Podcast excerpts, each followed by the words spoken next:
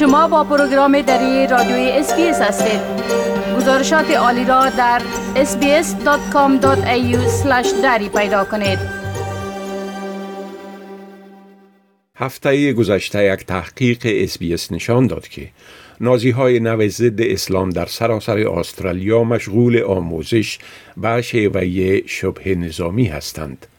پلیس فدرالی استرالیا هم اظهار داشت که حجم کار بخش ضد تروریسم ملی گراییش تنها در ظرف 18 ماه گذشته 750 فیصد افزایش یافته است.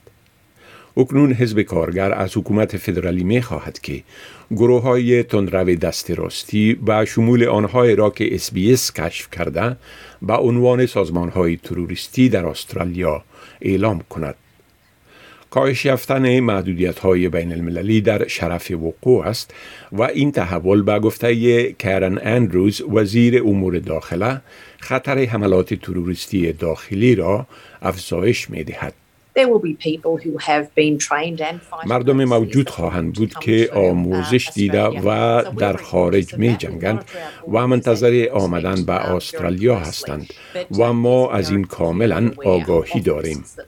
ما چنانچه شما انتظار دارید سرحدات خود را با دقت نظارت می کنیم بله ما از این خطراتی که به خصوص در چند ماه آینده با آنها روبرو هستیم آگاهی کامل داریم.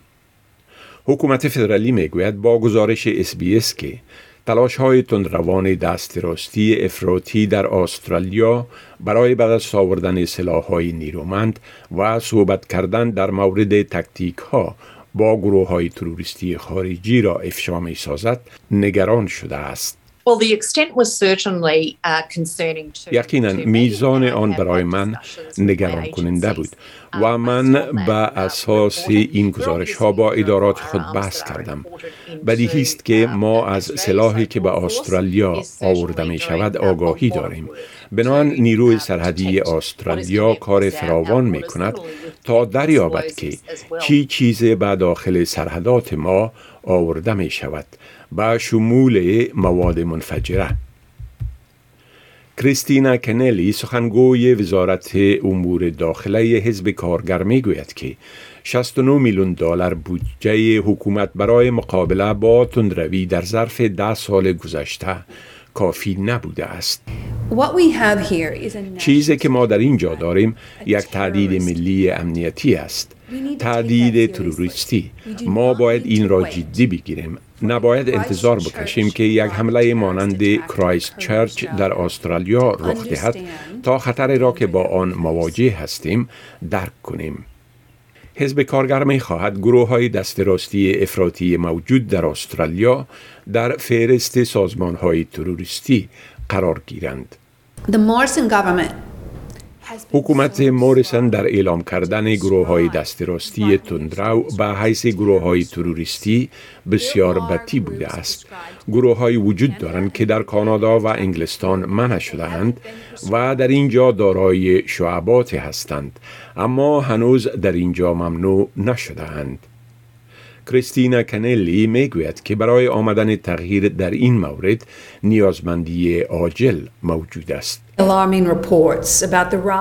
این گزارش های شدیدن نگران کننده درباره ظهور افرادگرایی دست راستی در استرالیا موجودند. جمعوری سلاح، مرتبط شدن با گروه های خارجی، انتشار معلومات غلط. این خطر امنیتی ملی است. این یک خطر تروریستی است. ما این را به خاطر می دانیم که ادارات امنیت ملی ما ایزیو و پلیس فدرالی استرالیا از بیشتر از یک سال به این سو هشدار می دهند که افرادگرایی دست راستی در حال افزایش می باشد. جامعه مسلمان استرالیا از این تقاضا برای شامل ساختن دسته های دست راستی افراطی در فهرست تروریستی استقبال کرده است. عادل سلمان رئیس شورای اسلامی ویکتوریا می‌گوید ما برای مقابله کردن با این مسئله به منابع نیاز داریم. ولی در اینجا مسئله بیان و حکایت مهم است.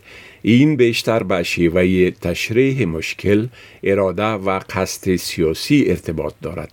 و من فکر می کنم که کمبود شدید این چیزها وجود دارد. وزیر امور داخله می گوید که او پس از گزارش اخیر اینک بر توسعه دادن فهرست های تروریستی در استرالیا غور می کند.